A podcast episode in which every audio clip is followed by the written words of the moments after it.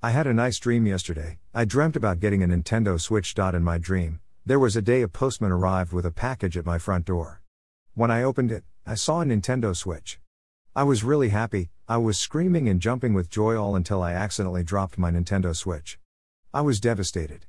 My dad saw I was very upset, so we went to the store to see if we could get a replacement. When we arrived at the store, we went to the section where the Nintendos were. My dad talked to a shop attendant called John, who told dad that the Nintendos were sold out. I was really sad as all I wanted was a Switch. When I got home, I went to my bedroom and started thinking of all the new games I could have played. My dad suggested I go to my friend's house to play because that might take my mind off the whole Nintendo situation. When I got to my friend's house, the first thing he showed me was his new Switch. He let me play on it, but that was not as good as having my own.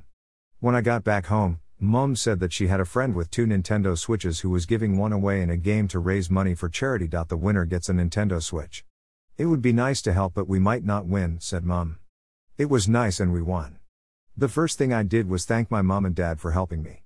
When I got the Switch, I dropped it again. Now I really was annoyed, but not as annoyed as I was when I woke up and realized it was all just a dream.